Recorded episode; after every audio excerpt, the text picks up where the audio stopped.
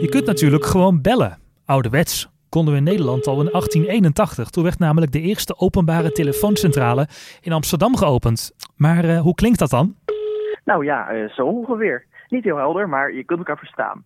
Daar is dan ook wel weer alles mee gezegd. Hey Maarten, ja, we zijn nu over het 4G-netwerk van KPN en Vodafone aan het bellen. Maar ja, het klinkt toch niet echt geweldig. Maar gelukkig zijn er ook moderne alternatieven, zoals WhatsApp Call, afgelopen week vrijgegeven en nu voor iedereen in Europa te gebruiken.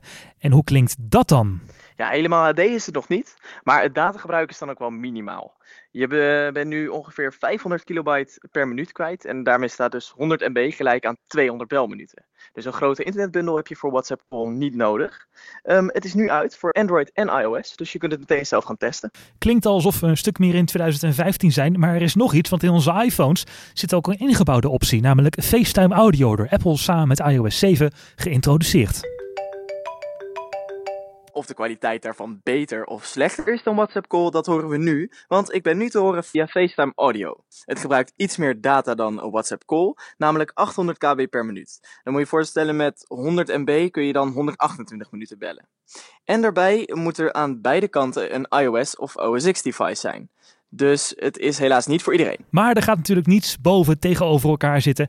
Het zitten we nu weer. En morgen ook. Morgen, zaterdag 25 april 2015, is er weer een nieuwe aflevering van de Tech Snacks podcast. Met mij, Raymond, en natuurlijk met Maagd, die nu tegenover mij zit. En waar gaan we het allemaal over hebben morgen? Ja, we gaan het hebben over het grote kanon van China. En uiteraard de Apple Watch. Want die gaan we vanavond even bewonderen hier.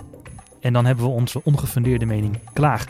Morgen 25 april, nieuwe Tech Snacks. Tot morgen. Tot morgen.